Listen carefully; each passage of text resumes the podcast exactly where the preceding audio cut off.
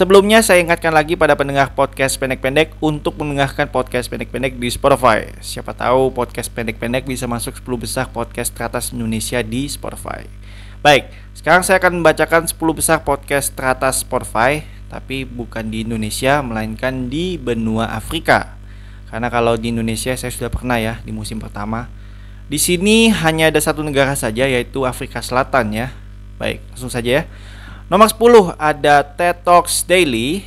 Nomor 9 ada True Crime South Africa.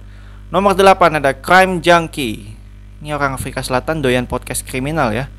Nomor 7 ada Motivational Speeches. Nomor 6 ada Wisdom and Wellness with Empumi Ledwaba.